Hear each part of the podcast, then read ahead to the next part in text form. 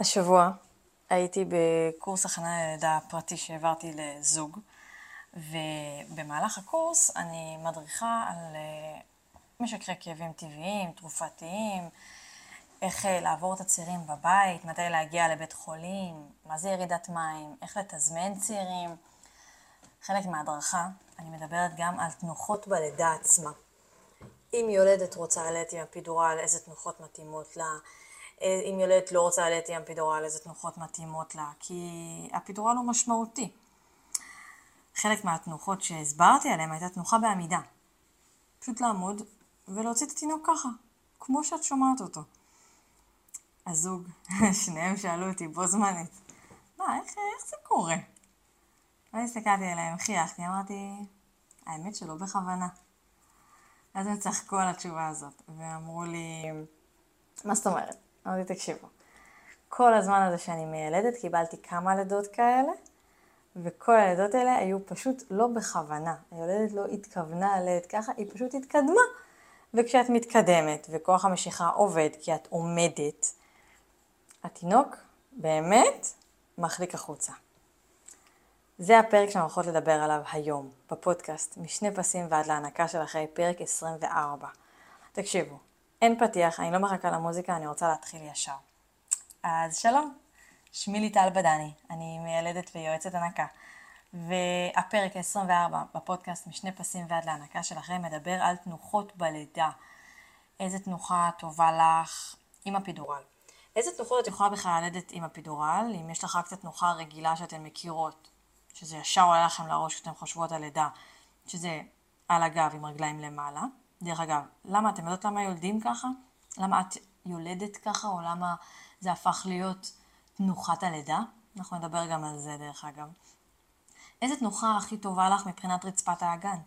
איזה תנוחה טובה לך אם יש לך סימפיוליזיס? איזה תנוחה טובה לך אם את רוצה פחות להיקרע ולשמור עלייך, על הפרינאום שלך שיהיה כמה שיותר שלם? או פחות קרעים נקרא לזה? בואו נתחיל כי יש לנו הרבה על מה לדבר. קצת היסטוריה. אה, לאורך המאה ה-20, בעיקר אחרי מלחמת העולם השנייה, הלידה עברה בעיקר מן הבית אל בית החולים.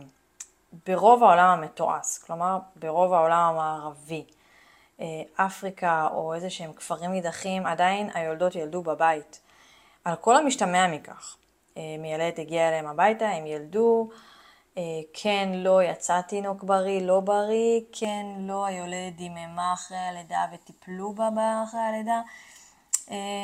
אני יודעת שיש היום הרבה משלחות לאפריקה ללמד את המיילדות שם, ללמד את הצוות הרפואי איך לקבל לידה בתנאים שלהם, איך לשמור על היולדת בריאה.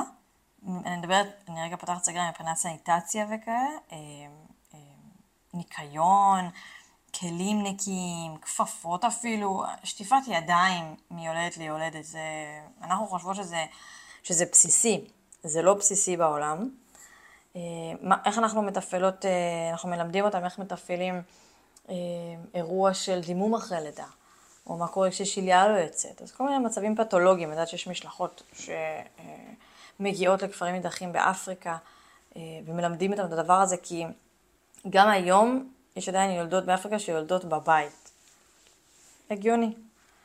אז בעולם המתועש, במהלך המאה ה-20, הלידה עברה מהבית לבית חולים. עכשיו, בגלל שהתדמית שהרופא אחראי על, על הלידה ולא המיילדת עצמה, אמ, אז אנשים אמ, לקחו את זה בחשבון שמבחינתן הן מטופלות טוב יותר בבית חולים. לאט לאט אה, גם, גם אמ, השכבה הגבוהה של החברה עברה לבית חולים, וברגע שהשכבה הגבוהה של החברה עוברת לבית חולים, אז גם השכבה הנמוכה של החברה רוצה ללכת, ללדת בבית חולים. אוקיי, עכשיו אני רגע עושה אה, פאוזה קטנה, ואני רוצה רגע לדבר על העובדה שברגע שהלידה עברה מהבית לבית חולים, ואנחנו יודעות שבבית חולים יש נהלים ויש פרוטוקולים, ו... אה, ומתחיל הצוות הרפואי והמיילדותי שעובד תחת, הקטג... תחת המבנה הזה, בית חולים, קצת יותר אה, לחשוב על הפרוטוקולים שלו מאשר על טובת היולדת, טובת גופה, טובת אה, הלאה, כלומר איך היא תצא, עם איזה נזק היא תצא מהלידה. כי בואו רגע נחשוב מה זה לידה. זה תינוק, זה בן אדם, שעובר לך בגוף ויוצא לך מתוך איבר שעד כה לא ילד בכלל. שאף בן אדם לא עבר שם קודם, זה משמעותי, זה שינוי מטורף, זה שינוי אדיר שהגוף שלך עובר, ומטרת הבית חולים, מטרת המחלקה, היא להוציא אותך בריאה ושלמה כמובן, עם תינוק בידיים. כי זה מדד להצלחה של הבית חולים דרך אגב.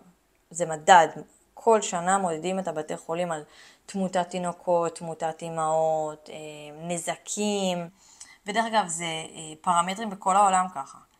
וכל שנה זה, זה מפורסם, איזה בית חולים אה, היה לו הצלחה, לאיזה בית חולים היה פחות הצלחה, בעניין של אחוזים.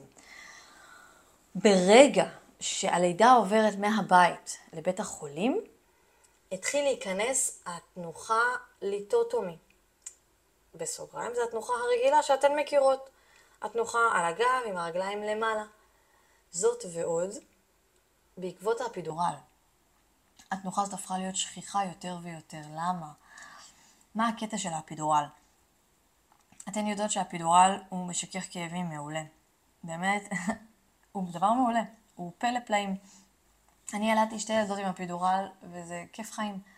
את לא מרגישה את הצעירים, את מתקדמת בלידה, תענוג. אממה, זה עלייה וקוץ בה.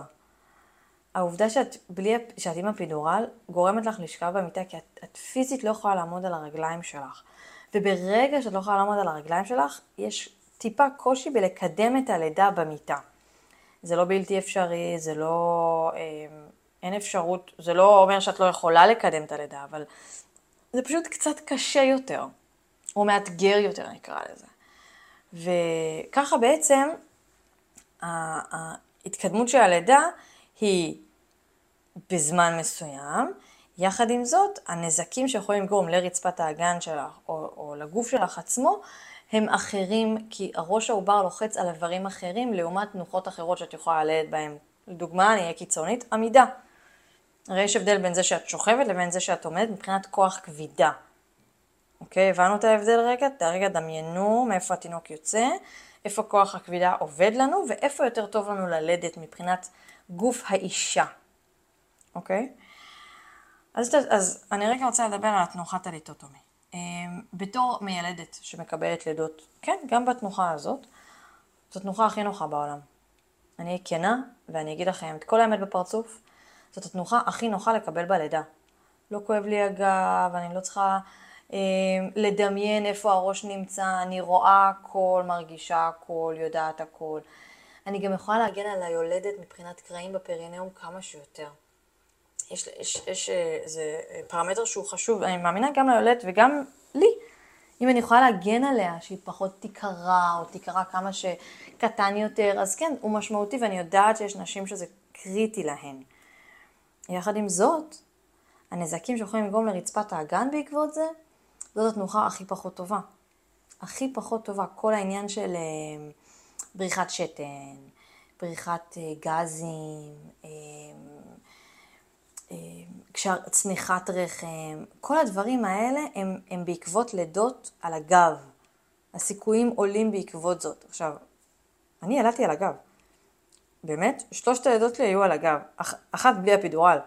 כי, אני רגע עוצרת, כי האמת שפשוט איבדתי את זה, ולא ידעתי מה לעשות עם עצמי, ופשוט כאילו, ככה לחצתי. אבל אם, אם רגע הייתי מתאפסת על עצמי, או הייתי כאילו קצת רגע אוספת את עצמי, הייתי יודעת בדיוק איזה תנוחה על וזה לא על הגב. במיוחד לא עם הפידורל. כאילו, זה, זה הקטע, אם אני בלי הפידורל, יאללה, תשתמשי, תשתמשי במה שאת יכולה. תעמדי, תסתובבי על שש, כבר נדבר על התנוחות. התנוחה הבאה שאני רוצה לדבר עליה, גם כן, שאת יכולה ללדת עם הפידורל, זה תנוחה על הצד. מה זה תנוחה על הצד? שאת שוכבת, אמנם את, את שוכבת, אבל את שוכבת על הצד. לרוב זה יהיה צד שמאל, כי ככה העובר מקבל יותר חמצן בזמן הלידה. למה זה חשוב? דבר ראשון, העובדה שאת על הצד אה, גורם לעובר להתבסס טוב יותר באגן שלך, ובעצם לעשות את הסיבוב, הסיבוב הפנימי טוב יותר, ולצאת ככה טוב יותר בעת הלחיצה שלך, לצאת מהווגינה, מהפוט, בעת הלחיצה שלך, טוב יותר מאשר שאת על הגב. זה אחד. שתיים, אני יכולה להגן לך על הפרינאום. הצוות המיילותי והרפואי יכול להגן על הפרינאום שפחות ופחות תקראי. אני, אני רואה עדיין הכל, את, את, אני, את פשוט עומדת לי על. את עומדת, שוכבת על הצד. המיילדת, קרי, אני, עומדת מאחורייך, כלומר, הטוסיק אליי, ואני רואה הכל. אני רואה הכל ואני יכולה להגן עלייך כמה שיותר. זאת תנוחה שנייה. התנוחה השלישית שאת יכולה ללדת אם, אם את עם אפידורל, זה תנוחה על שש. מה זה אומר? אני רגע אהיה בוטה. זה תנוחה דוגי. את בעצם על המיטה. הגב של המיטה הוא קצת למעלה יותר, ואת נשענת עליו עם האמות שלך, ואת עומדת על הברכיים שלך. אוקיי? את כאילו מפנה את הטוסיק לחדר, אוקיי? ואת עם הפנים לקיר לדוגמה. כי לרוב המיטה היא ליד הקיר, לפני הקיר. אז דמייני את זה רגע את הסיטואציה, וככה את לוחצת. עכשיו, אם יש אישה יולדת שמרגישה את הרגליים שלה, והיא יכולה לעמוד כמו, לעמוד, לעמוד על שש כמו שצריך עם האפידורל, אז אין שום בעיה ללדת ככה. וכן, היו לי לידות כאלה, שאישה הרגישה כמו שצריך, למרות שהייתה עם אפידורל, הרגישה את הרגליים שלה, וילדה ככה. וזה, דרך אגב, זו תנוחה מעולה. כוח הכבידה עובד פה מושלם. היא, היולדת, לוחצת מעולה. מעולה היא לוחצת. התנוחה הזאת היא גם מכווצת לנו את הטוסיק ומורידה את הראש כמה שיותר למטה. זה, אני פותחת סוגריים, זה כמו עמידה, רק חצי עמידה. תנוחה על שש ואפשר ללדת את זה עם הפידורל. אז בעצם יש לנו שלוש תנוחות שאפשר ללדת עם הפידורל. אחד, תנוחת האיטוטומי, זה תנוחה על הגב, הרגליים למעלה, אתם מכירות את זה, מה שאתם מדמיינות תמיד שיש, מדברים על לידה. שם זה תנוחה על הצד, אותו דבר שאת שוכבת על הגב, על הצד. תנוחה על שלישית זה תנוחה על שש, במיטה על שש. אוקיי? עכשיו אני מדברת על תנוחות בלי הפידורל. התנוחה שדיברתי איתה קודם, ודרך אגב לא אמרתי לכן, אבל השבוע הייתי, עבדתי במיון המילדותי, והעברתי יולדת אה, לחדר הלידה, בכיסא גלגלים, כי היא הייתה מאוד מאוד מאוד כאובה, היא רצתה אפידורל. כבר הכנתי לה את העירוי ביד, ובדיקות דם, ונוזלים, הייתה אה, ממש כפסע לפני האפידורל. ולאט לאט שאני לוקחת אותה בכיסא גלגלים, אני שומעת אותה, היא לא מדברת איתי דרך אגב, היא לא מדברת כי היא כאובה, אני שומעת אותה לוחצת. יש את הקול הזה, אני, אני רגע מדגימה אותו, זה עובר, זה, זה ככה. וממש ממש שומעים את זה. אני מסתכלת, אני עושה את לוחצת? לא, לא, לא, לא, לא, יש לי קקי, לא, לא, לא, אני לא עשיתי חוקן, לא, לא, לא, לא, וואי, אבל לוחץ לי, יורד לי, וואי, זה יוצא. נכנסתי לחדר הראשון שראיתי במיון, שבמקרה זה גם חדר לידה במיון עצמו, פשוט הייתי ליד זה.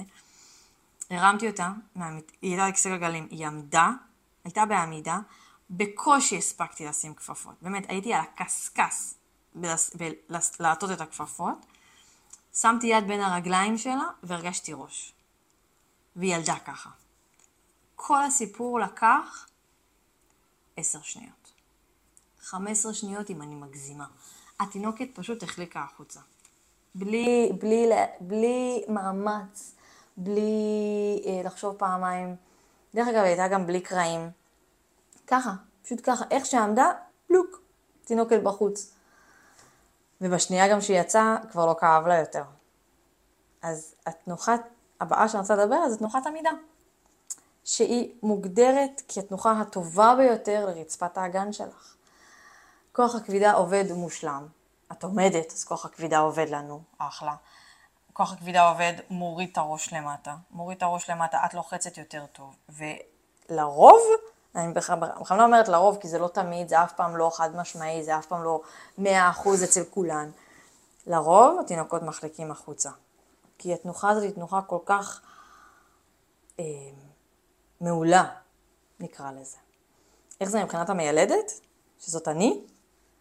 אה, היא תנוחה לא נוחה. היא לא נוחה כי אני לא רואה כלום. אני פשוט שמה יד בין הרגליים של האישה, ממש בפוט, בפתח, ואני לא רואה כלום. אני יכולה להרגיש רגליים, פה, עיניים, אני מרגישה את הדברים האלה, אבל אני יכולה, אני לא רואה אם היא נקרעת או לא נקרעת.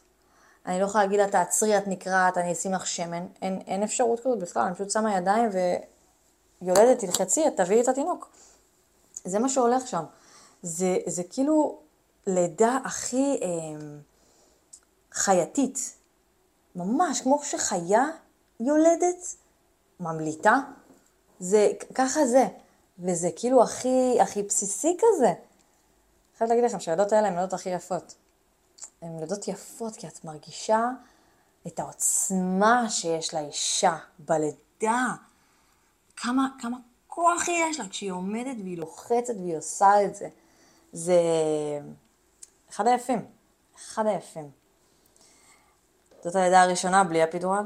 הלידה השנייה בלי הפידורל שאת יכולה ללדת זה תנוחת קריאה. תנוחת קריאה היא תנוחה בעצם כמו בסקווט.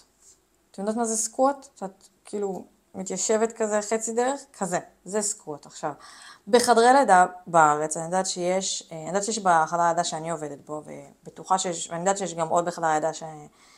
מרכזי בארץ, יש כיסא שנקרא כיסא הולנדי. אני רוצה שתדמיינו מין חלק של כיסא אה, ללא המושב, ללא החלק האמצ... הבפנים שלו. כלומר, יש חור באמצע, בלי אה, ידיות ובלי משענת. זה כאילו בסיסי כזה, את רק מניחה את הטוסיק ויש חור באמצע ששם התינוק כיסא. עכשיו, איך את נתמכת? מאחורה צריך להיות מלווה. מלווה, מלווה, חברה, מישהו שיתמוך מאחורה, בכתפיים, בגב, בידיים, כי המיילדת תהיה מקדימה. היא תקבל את הלידה מקדימה, היא גם תשב, לרוב זה יהיה על שרפרף, לא על כיסא או על הרצפה או משהו, וככה היא תקבל את הלידה. אמ, זו תנוחת קריאה, היא תנוחה גם כן טובה, היא טובה לנשים ש... שקשה להם לעמוד, יש נשים שפשוט קשה להם פיזית לבצע את העמידה בלידה, הרגליים שלהם מכווצות מאוד, הן מרגישות שהן יודעות להתעלף, שהן לא מרגישות טוב, שכל השרירים דפוסים וחייבות רגע מנוחה, רגע להישען, אז זה מה שקורה. אמ, התנוחה טובה גם למי שיש, אמ, למי שלא יכולה לקבל אפידורל דרך אגב. גם התנוחה הקודמת, לא, לא הזכרתי את זה, גם תנוחה למי שלא יכולה לקבל אפידורל. כל התנוחות בעצם שהן בלי אפידורל, גם לנשים שלא יכולות לקבל אפידורל. כי אם את לא יכולה לקבל אפידורל, איך תלדי על הגב? זה, זה כאבי תופת. תופת, זה כאבים עצומים.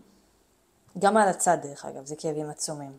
אז, אז הלידה מהירה יותר ברגע שאת לא במיטה, פשוט. התנוחה הבאה שאני רוצה לדבר עליה, וזה גם התנוחה האחרונה, גם ללא אפידורל וגם בכלל התנוחה, התנוחה האחרונה שאני רוצה לדבר עליה מבחינת התנוחות בלידה, היא תנוחה, אה, לידה במים, יותר נכון. זה פחות תנוחה, זה יותר מיקום הלידה. אה, התנוחה, תנוחה סלש לידה במים, נהיה נפוץ לדעתי יותר ויותר בשנים האחרונות. יש לזה יותר חשיפה. יותר מרכזי, מרכזי לידה טבעיים נפתחים בבתי חולים. אה, נשים יותר מודעות ליתרונות במים בלידה. זה מרכך את הפרינאום, זה מקל על הצירים, זה מקדם את הלידה, זה מרגיע את היולדת, זה, זה כאילו להיות כזה במין אה, עולם אחר. אה, מה טוב בזה? וואי, להיות במים בזמן של בהיריון וצירים זה תענוג. מי שעברה צירים במים יודעת יפה מאוד כמה זה מקל, כמה זה נעים, כמה... בואי, את לא רוצה לצאת מהמים. כשיש לך צירים. את, לא מסוגלת לעשות את זה. אני הייתי שלוש שעות בלידה של דניאל עם צירים בדוש, לא רציתי לצאת משם. זה היה הדבר הכי כיף שיש בעולם. אז ללדת במים, אה, בתור אחת שמקבלת לידות במים, אה, זה תענוג, אני רואה את היולדות והן מוציאות את התינוק בכזה, בכזאת עוצמה, בכזה יופי. ולרוב הן גם לא נקראות כי המים הם מים, מים חמימים קודם כל. והמים החמימים מרככים לך את, את, את הפרינאום. כל הקומפרסים החמים שאומרים לשים, שמן אה, לפרינאום, כל אלה, את לא צריכה אותם יותר, כי הם, המים עושים בדיוק את זה, וזה גם מה שכיף. עכשיו, יש את התנוחות של במים, התנוחות של באמבטיה שאת יכולה גם כן על שש, גם כן להיות כזה קצת בישיבה. אה, אוי, השבוע, נזכרתי, השבוע גם קיבלתי לידה בקריאה בתוך המים. אה, היה מאתגר, לא אשקר, היה מאתגר, אבל היה מעולה, היה מעולה.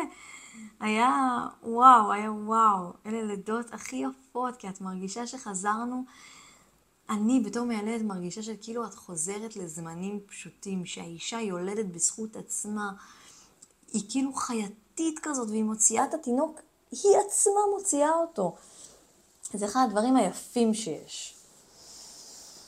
לקראת סיום, דיברנו הרבה, לקראת סיום, אני רוצה אה, לעשות רגע סדר. יש בסך הכל שש, שש תנוחות.